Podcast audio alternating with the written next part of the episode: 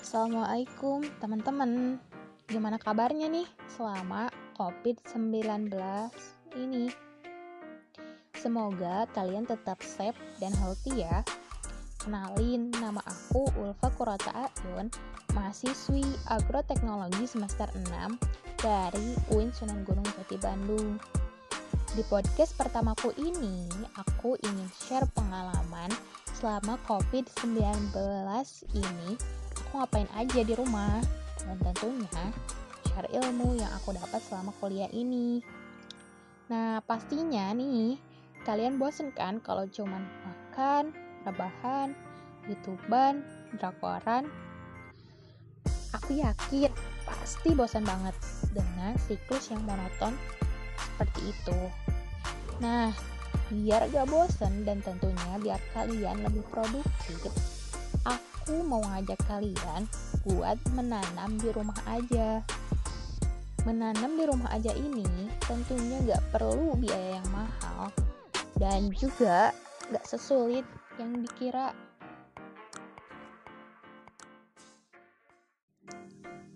Nah, teman-teman, di podcast ini aku bakalan sharing tentang latar belakang mengapa aku menanam tanaman yang aku pilih, terus juga sharing pengalaman aku selama menanam tanaman, dan terakhir aku bakalan sharing juga pengalaman teman aku yang menanam juga di rumah. Langsung aja ya. Nah, selama stay at home ini, biar aku nggak bosen dan lebih produktif lagi, aku mencoba menerapkan ilmu selama aku kuliah ini. Nah, kebetulan tanaman yang aku pilih buat ditanam itu bayam merah. Pasti di antara kalian ada yang belum tahu kan bayam merah atau belum pernah lihat sebelumnya? Iya kan? Benar gak sih? Sama kok, aku juga baru dengar bayam merah pas masuk pertanian.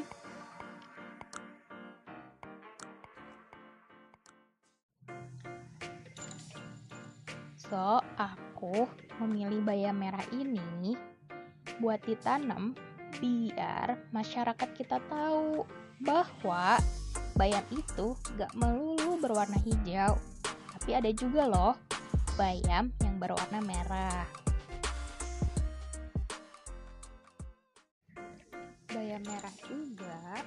Bisa dimasak kok. Bisa dibuat sayur sama kayak bayam hijau. Nutrisi bayam merah juga sama kayak bayam yang sering kalian makan. Mengandung vitamin A dan C sedikit vitamin B kalsium fosfor dan besi. Ya intinya kandungan bayam merah sangat bagus bagi kesehatan kita. Next ya. Sebelum menanam bayam merah, kalian harus menyediakan terlebih dahulu alat dan bahannya. Yang perlu kalian siapkan pertama yaitu media tanam. Nah, media tanam ini terdiri dari tanah sama pupuk kandang dengan perbandingan 2 banding 1. Nah, karena sekarang kondisinya kita lagi covid dan gak bisa ke mana-mana, aku kasih saran buat kalian mengganti pupuk kandang dengan pupuk kompos dedaunan yang ada di sekitar rumah kalian atau juga bisa menggunakan dengan air bekas cucian beras. Nah, media tanam yang tadi kalian sudah siapkan itu dicampur sampai gembur. Nah, habis gitu kalian juga bisa menyiapkan tempat penanaman atau wadah.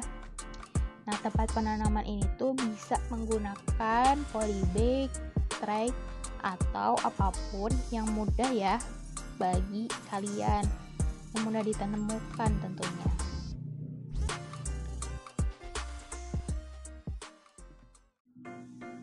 Nah, sebelum bayam merah ditanam di polybag, dilakukan persemaian terlebih dahulu. dan bahannya masih sama seperti yang dijelaskan sebelumnya. Cuma ditambah arang sekam aja. Arang sekam ini berfungsi buat melindungi tanaman dari jamur. Tahukah media dan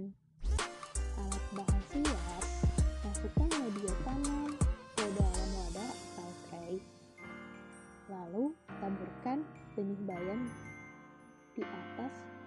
Nah, benih bayam yang ditaburkan secukupnya ya, disesuaikan dengan wadah ataupun tray.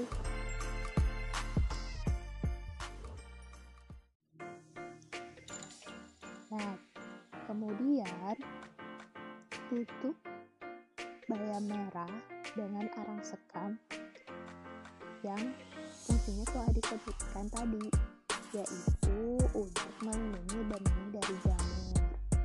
Terakhir siram dengan air sampai jenuh setelah selesai simpan persemaian di tempat yang ada naungannya. Fungsinya biar kalau hujan bisa terlindungi dan gak merusak tanaman.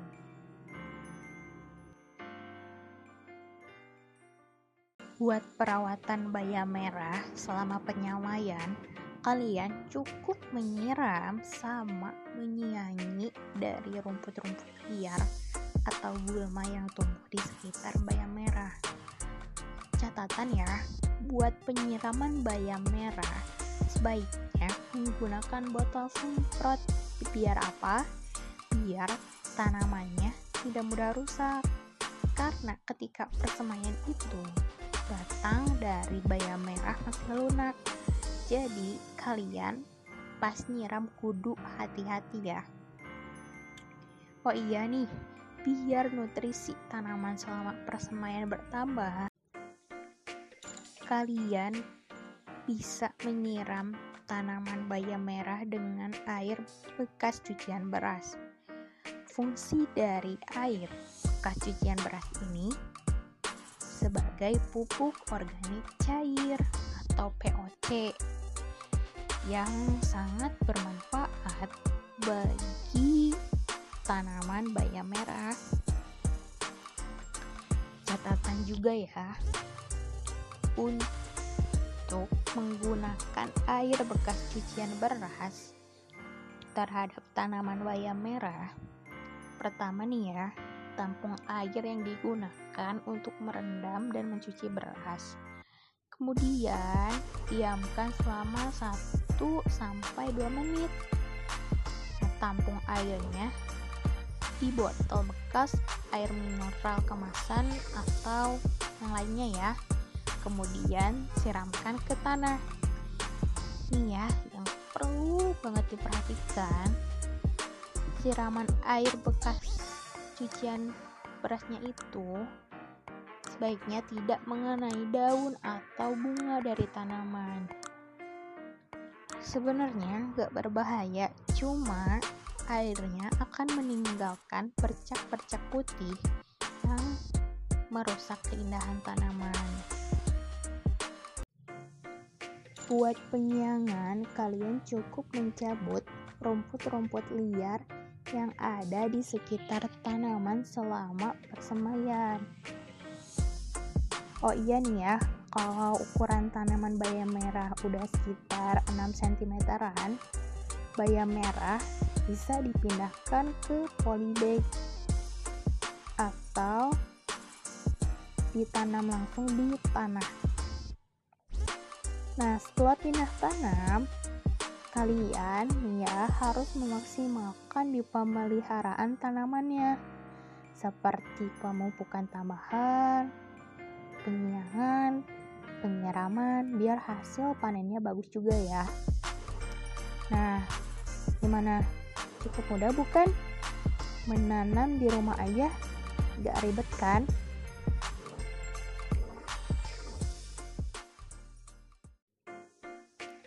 Next ya, aku mau sharing teman aku nih yang menanam bawang daun di rumah aja.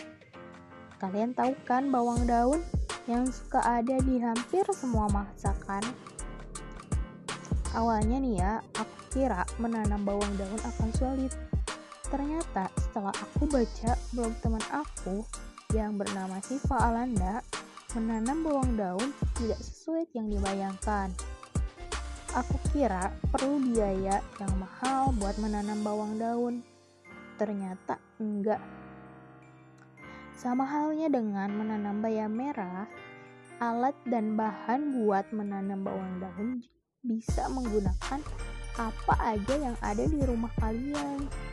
Nah, for your information, bibit bawang daunnya juga bisa didapatkan cukup mudah, yaitu dengan memisahkan bawang daun dari rumpunnya menjadi beberapa stek anakan.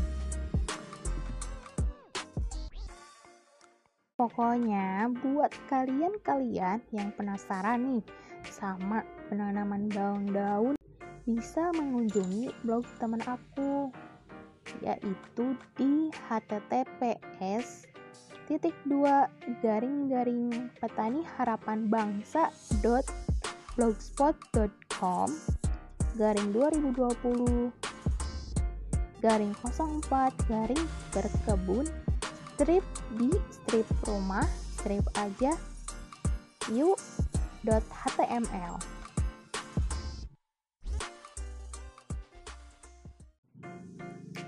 Nah, mungkin cukup sekian ya sharing kali ini.